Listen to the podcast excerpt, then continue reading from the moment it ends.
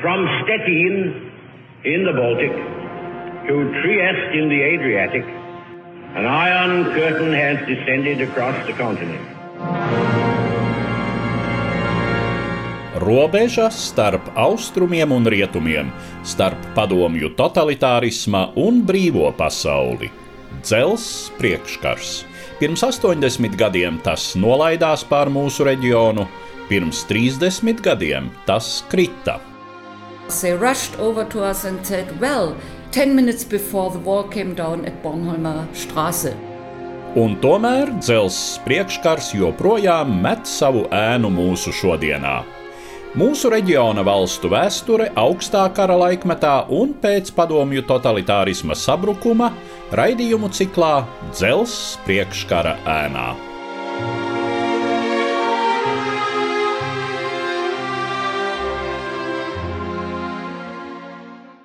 Labdien, cienījamie klausītāji! Mūsu šodienas raidījuma temats - Lietuvas republika pēdējos 30 atjaunotās neatkarības gados.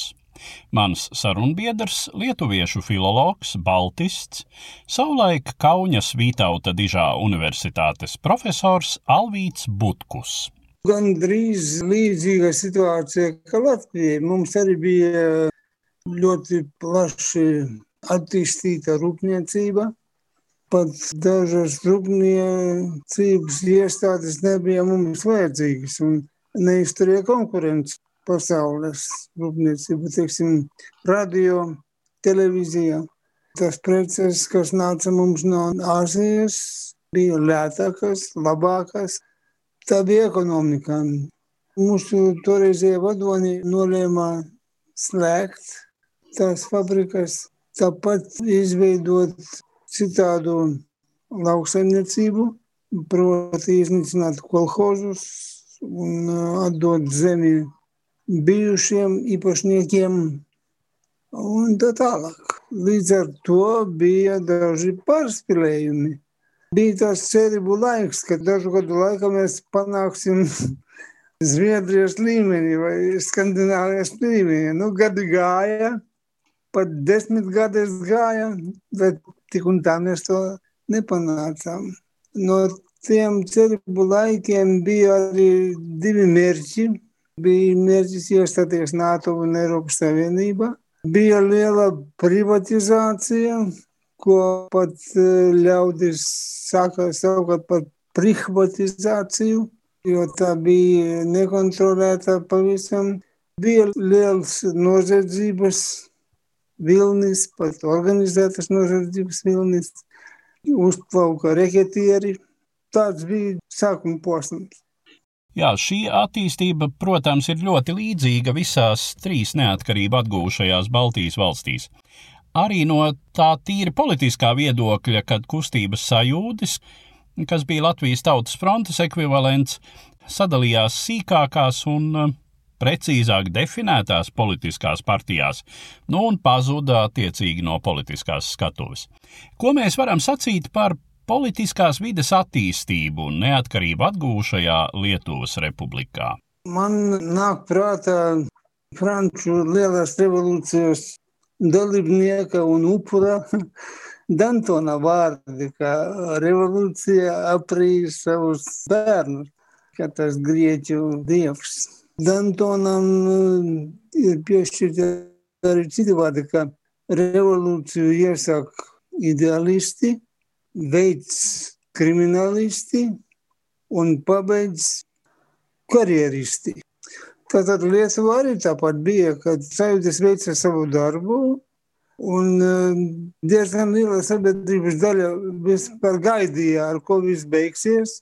Un tad, kad viss beidzās laimīgi, viņi aizlīda no krūmiem un paņēma savu varu.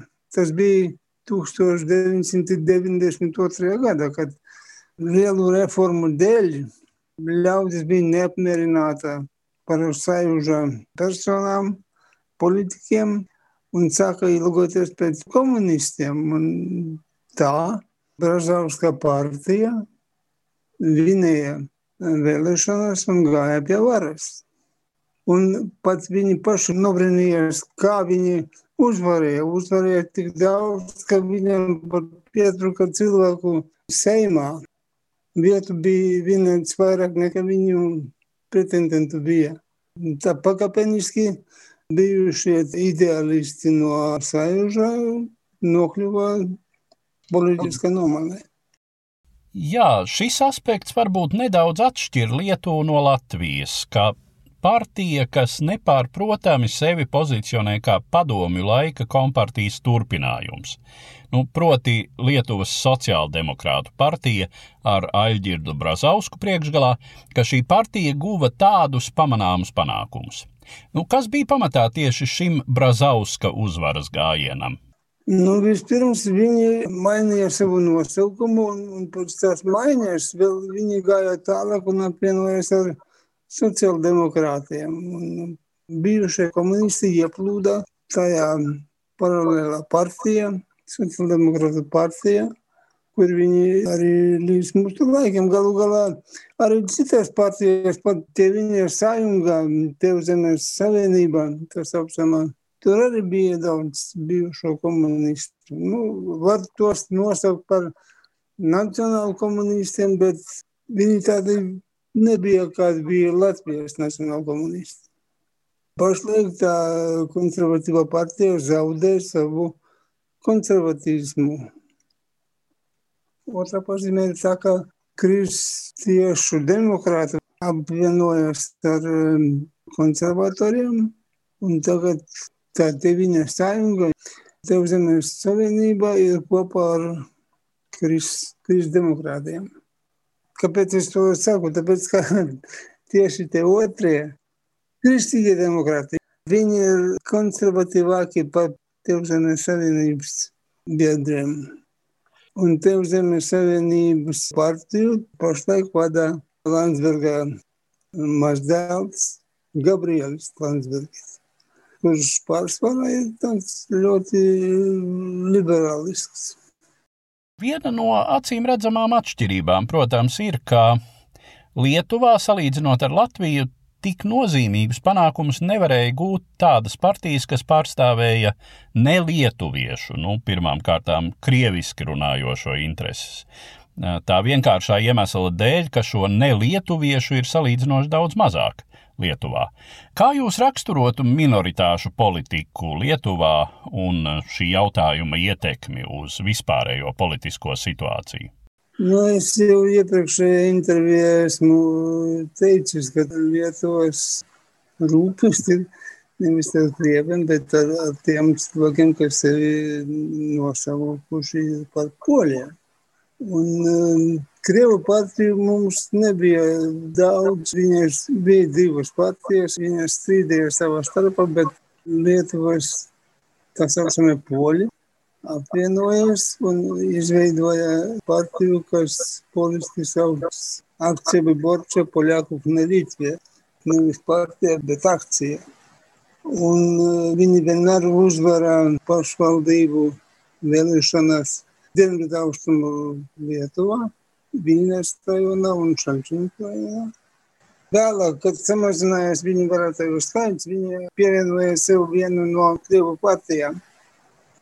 Bet viņi visu laiku pieprasa vienu un to pašu, lai poļu valoda būtu tur, kā otrā valsts valoda Viļņas un Frančinīku rajonos, poļu skolas un droši varu teikt, neļauj veidot lietuviešu skolas dažādu iemeslu dēļ. Lietuviešiem tur ir grūtības, teiksim, panākt, lai būtu atklāti bērnu dārzu lietuviešu valodā Tā kā mums ir grūtāk, tāpēc, ka Polija mums ir it kā draudzīga valsts. Mums ir vieglāk turēties pret Krievu radikāļiem. Es domāju, kaut viņus atbalsto Krievija, bet uz Krieviju mēs skatāmies tā, tā kā skatāmies. Uz Poliju mēs tā skatīties nevaram. Nu, tā ir tā problēma. Daži poliski noskaņotie cilvēki saimā pieder tā saucamai brīvības partijai, liberāļu partijai. Un viņi grib izveidot jauno mazākumu tautību likumu, kur ir paredzēts valodu lietojumus arī nevis valsts valoda, bet arī poļu un krievu valodas. Tur, kur, kur, kur poļu un krievu dzīvo vairāk. Tas, ko neizdevās panākt Latvijā, to krievu valodas statusu, tagad ir mēģināts panākt Lietuvā. Bet nu, tā būtu reģionālā valoda, līdzīgi kā tas ir Nārvas apgabalā Igaunijā. Jā, runājot par Poliju, tas Lietuvai ir gan vēsturiski, gan geogrāfiski ietekmīgs līdzās esošs kaimiņš. Kā politiku un sabiedrības situāciju Lietuvā ir ietekmējis polijas faktors? Bija laiks, kad mūsu attiecības ar Poliju bija saspringtas. Tad, kad pie varas bija cita partija un kad ārlietu ministrs bija Sikorskis, bet premjeras bija Tusks. Tad mūsu tā akcija Borča Poļakovna Litvie ļoti tuvu draudzējos ar, ar polijas politikiem, un Polija atbalstīja tieši šīs akcijas prasības. Ne tikai par valodu, bet arī par vietvārdiem. Viņi gribēja panākt, lai vietvārdi tur, kur dzīvo poļi, tiktu rakstīti divas valodas, lietuviešu un poļu. Pat līdz šim ir strīds par personvārdu rakstīšanu Lietuvas pasēs, jo, teiksim, poļi pieprasa, lai, lai tas būtu rakstīts poļu valodā ar, ar poļiskiem burtiem. Pat.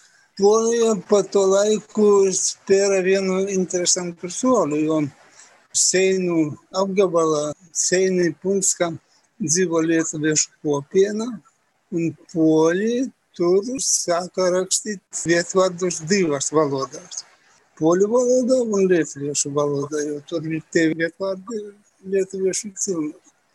Līdz ar to viņi pieprasīja, lai tas būtu darāms arī Lietuvā. Ar tiem uzvārdiem arī tāpat Polija vienpusīgi atļāva pēc pieprasījuma rakstīt lietuviešu uzvārdus lietuviešu valodā pasēs tikai tas process nav derīgs. Tik un tā, tā kopskaitā lietuviešu uzvārdi ir, ir poliski. Bet ar to soli viņi atkal rāda ar pirkstu uz savu pieredzi un piedāvā Lietuvai sekot tam pašam piemēram. Tas ir tas akcents, kas neļauj tā brīvi draudzēties ar Poliju. Vienīgais iemesls visam tam ir bijusi Želigovskio okupacijos tarp karalaikos, Vilnius tarp gabalą. Teiksim, mes patapstaužam jūsų polius, jūsų polių ir lojaliai savai valstybei. Mūsų jie polių radikaliai, aš domāju. Tā. Viņi uzskata, ka Vilnius apgabals joprojām ir lietuviešu okupēta zeme, ka Lietuva sākas kaut kur no molētiem, no Ukmergės, no, no Vievim. Pat sarunu valodā viņi tā lieto, ka ir Lietuvā. Proti, viņa no Viļņas braukusi kaut kur uz elektrēniem. Tur jau esat Lietuvā. Tādas attiecības. Un tas, zināmā mērā, bojā mūsu attiecības ar Poliju. Tad, kad Sikorskis bija par ārlietu ministru, viņš atklāti ir teicis, lūk tā, ka lietuvieši uzskata, ka Viļņas apgabals bija okupēts. Mēs tā neuzskatām, viņš teica. Tad mēs varam secināt, ka Lietuvai izdodas veidot labākas attiecības ar pašreiz pie varas polijā esošo partiju likums un taisnīgums. Tas ir ļoti interesants paradoks, jo pašreizējā partija, kas ir pie varas polijā, ir ļoti tautiski noskaņota, jā, tā patriotiskā partija, bet Mēs, mēs tā baidījāmies, ka pieprasīs vēl vairāk nekā iepriekšējā vara, bet notika otrādi. Un notika tāpēc, ka Polija nav izdevīgi sevi parādīt Eiropai, kā naidošo valsti ar mazākiem kaimiņiem. Turklāt Polija grib, lai viņai būtu atbalstītāji viņas politikai, jo Polija pašlaik ir mazā pretrunā ar Eiropas Savienības tendencēm. Un šajā kontekstā, protams, Lietuva atbalsta Poliju, cik iespējams, un tāpēc Polija nepieprasa no Lietuvas to, ko viņiem bija pieprasījusi pirms desmit gadiem. mūsu tagadējām partijām būtu labāk, ja tur būtu liberāli, jo mūsu partijas ir liberālas pārsvarā. Un šajā ziņā Lietuvas politika ir kaut kādā pretrunā. Viņi uzskata Poliju kā savu partneri, no otras puses viņi nevar noklusēt to, ko pārmet Polijai Eiropas Savienība, ka Polija ir pārāk nacionalistiska un tā tālāk. Lietuva it kā tāda būt negribētu. Lūk, šeit ir tas Якщо літовіше політики конфлікт. Šveicarių atšrybą nevis puolai, bet atšrybas tarp Lietuvų ir Latvijų. Aš pat apskaužu jūsų politikių tendenciją. Jo apie mums, teiksim, homoseksualitatis propaganda nuotekliuoti plašai. Un, diemžal pat žurnalistai ir kliuvuši tą tą vienpusygį pat Lietuvos radio ir televiziją ir vienpusygį. Tas propagandas jautājumā un oponentu nevāšanā arī mums taču, kā jūs zināt, nesen notika tradicionālu ģimeņu tā saucamais maršs. Tad to maršu apsveica mūsu prezidents bet pārējie politiķi noraidīja gan pašu maršu, gan pārmeta prezidentam, kāpēc viņš tos apsveica. Tā kā Lietuva pašlaik tā atturīgi skatās uz Polijas nacionālo politiku, un viņi Poliju piešķir pie tām trim valstīm, kas ir opozīcijā pašā Eiropas Savienībā, proti Polija, Ungārija un Čehija trīs valstis, kas izkrīt no konteksta, kā, kā saka muzeja politiķi. Politiķu mazākums, protams, atbalsta Poliju, atbalsta Ungāriju. Prezidents atteicās parakstīt protesta vēstuli pret Ungārijas pēdējo likumu. Un līdz ar to viņš saņēma arī tādu negatīvu attieksmi no mūsu medijām. Pašlaik Lietuva briest, es varu droši teikt, briest konflikts starp prezidenta komandu un saimu, un prezidenta komandu un valdību. Jo atšķirās viedokļi par homoseksualitātes propagandu. Lietuvas cilvēku vairākums arī piekrīt prezidentam, un līdz ar to prezidenta popularitāte aug. Es varu rezumēt tā, ka mani biedē, pat biedē mežonīgais liberālisms Lietuvā un vienpusīga informācija medijos. Tas, manuprāt, nav labi. Nav labi. Un dažkārt es jūtos, ka padomju savienībā jūtos toreiz, kad bija vienpusīga informācija. Un kā žurnālisti strādāja nevis kā žurnālisti, bet kā propagandisti. Diemžēl tā Lietuva tagad ir. Man trūkst informācijas, lai es spriestu par tendencēm Lietuvas mediju telpā. Droši vien mums ir jāpaliek pie tā, ka šis ir jūsu personisks situācijas redzējums, Par Latviju es varu teikt, ka pārspīlējumi, manuprāt, ir kā no vienas, tā no otras puses, bet um, nu, nenoliedzami konflikta potenciāls šais jautājumos uh, ir liels arī Latvijā, gan mēdījos, gan politikā. Bet uh, parunāsim par vēl vienu Lietuvas kaimiņu valsti, proti par Baltkrieviju. Kā tā ietekmē politisko klimatu Lietuvā? Cik izplatīti pie jums ir teiksim, tādi viedokļi, ka nevajag jaukties Baltkrievu iekšējās lietās, ka atbalsts Lukašenko vajātajai Baltkrievu opozīcijai ir pārāk kaitīgs ekonomiskajām interesēm, nu vai pat tādi viedokļi, ka mums vajadzētu pamācīties no tā, ko dara Lukašenko, viņš ir īsts saimnieks savā zemē.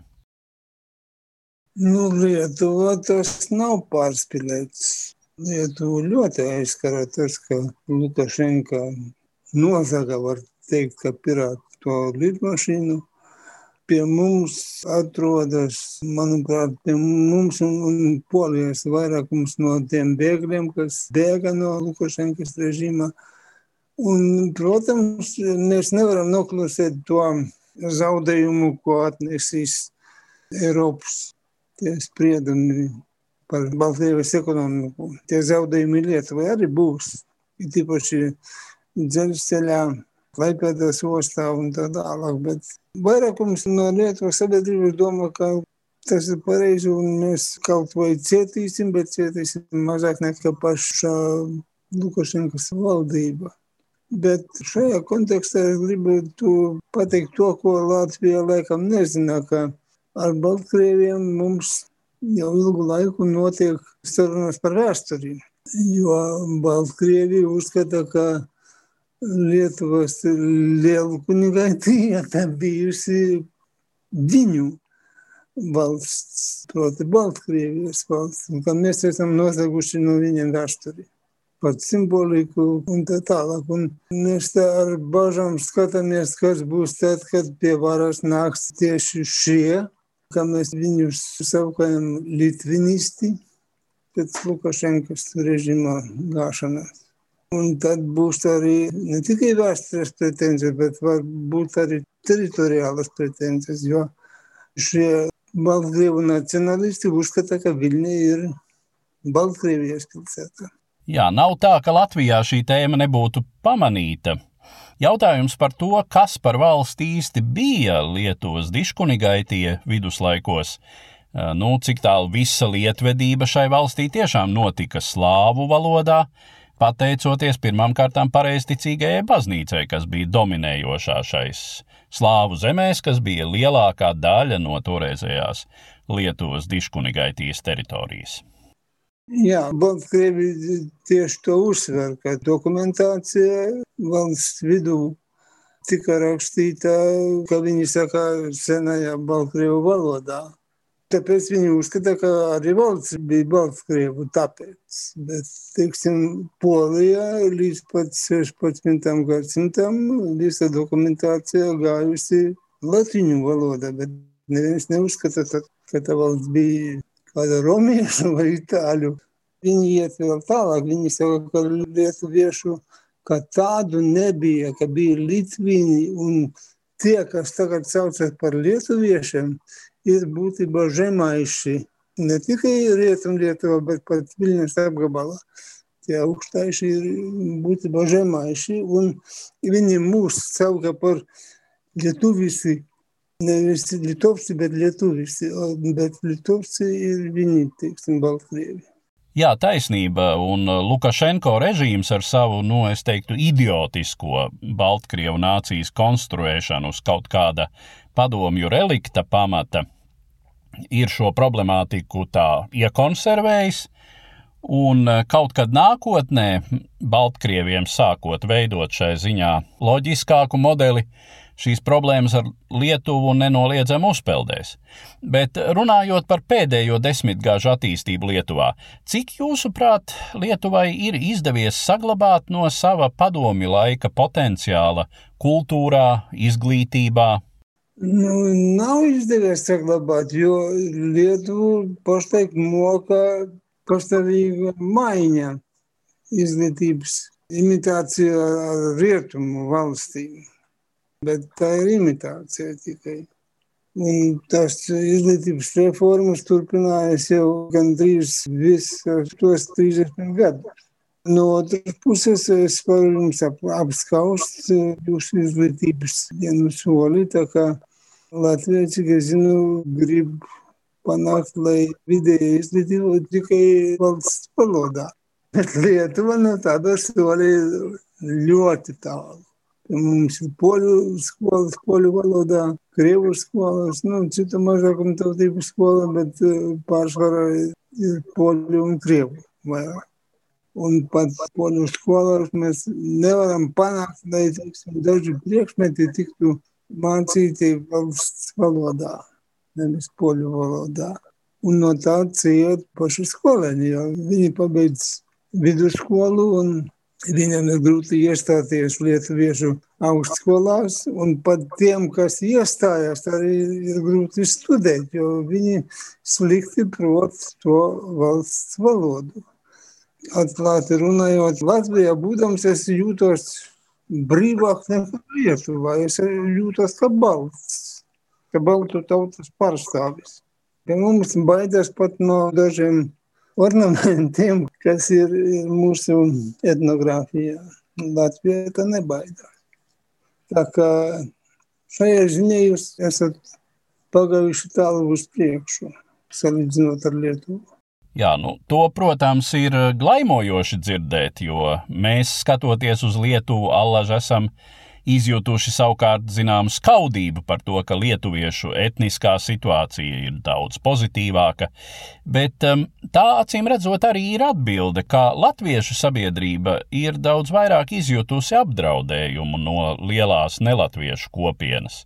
Daudz biežāk ir saskārusies ar latviešu valodas nezināšanu vai apzinātu nelietošanu, un tāpēc šī valodas politika arī ir bijusi daudz konsekventāka.